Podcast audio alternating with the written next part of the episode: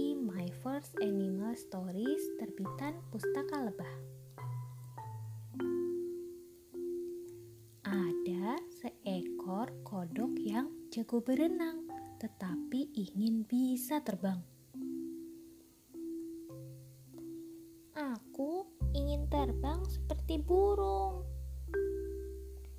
Aku ingin terbang karena aku merasa kepandaianku berenang tidak bermanfaat. Burung bisa terbang, tetapi tidak dapat berenang di air.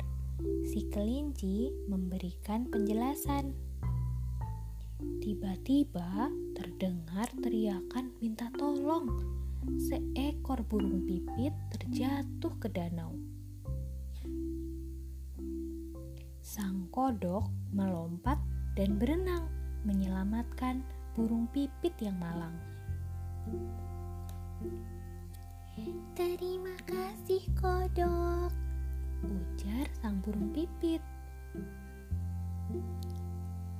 Hei, ternyata kamu bisa menyelamatkan hewan lain dengan kemampuan yang kamu miliki, kata sang kelinci.